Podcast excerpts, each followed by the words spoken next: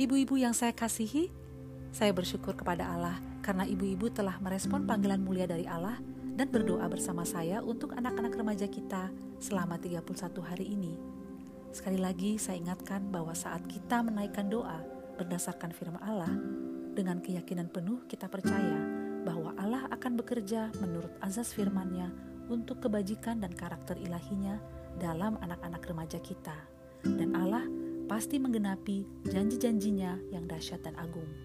Saya mendorong ibu-ibu untuk terus menggunakan doa-doa ini dari waktu ke waktu dan membagikannya kepada ibu-ibu lain yang kalian tahu membutuhkannya.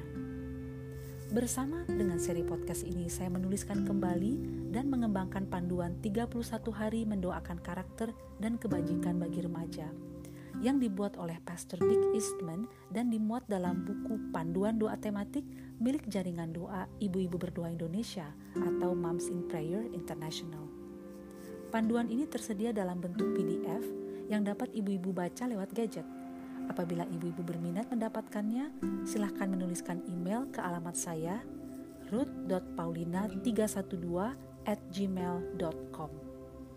Jika ibu-ibu juga berminat untuk bergabung dalam komunitas para ibu pejuang doa yang sekarang ada di berbagai kota di Indonesia dan di lebih dari 140 negara, silakan mengunjungi website momsinprayer.org supaya dapat terhubung dengan kelompok doa yang berada di area ibu-ibu dan kalian dapat berdoa untuk anak-anak dan sekolah-sekolah. Akhirnya, bagi Allah yang telah memanggil dan memperlengkapi kita atas pekerjaan yang mulia ini, saya naikkan puji-pujian, hormat, dan keagungan. Tuhan memberkati ibu-ibu semua, dan tetaplah berdoa.